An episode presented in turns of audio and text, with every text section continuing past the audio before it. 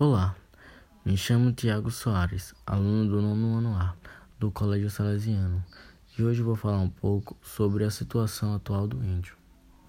Vou começar com a situação que resume hoje o índio no Brasil. Ser índio não é a condições ou um comportamento aleatórico, e sim uma questão cultural indígena. Então, gente, ser índio é não é apenas colocar um cocar, dançar em volta de uma fogueira e nem fazer artesanatos. O índio hoje tem um papel muito importante para a nossa formação. Ele é uma real origem do povo brasileiro.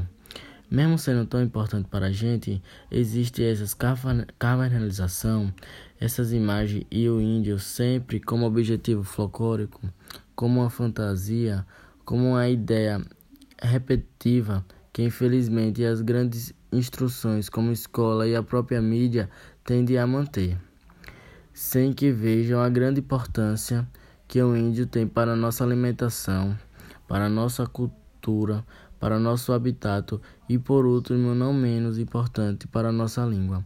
Muitas palavras que usamos hoje derivamos do tupi-guarani, vindo dos índios que fazem parte da nossa história tão interessante.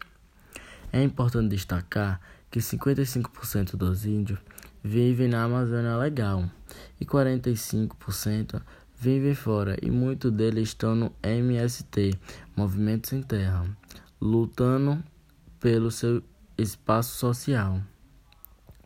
E com seu grande e principal genocídio acontece com a chegada dos portugueses em 1500, quando eles passaram por um processo chamado aculturação, que nada mais é do que a imposição de uma cultura, de um habitat, de uma crença, de uma língua.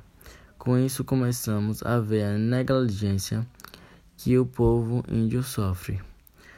Como exemplo, só existe um índio órgão responsável por toda a necessidade que eles têm e, claro, o tratamento do Brasil sem dinheiro para funcionar adequadamente.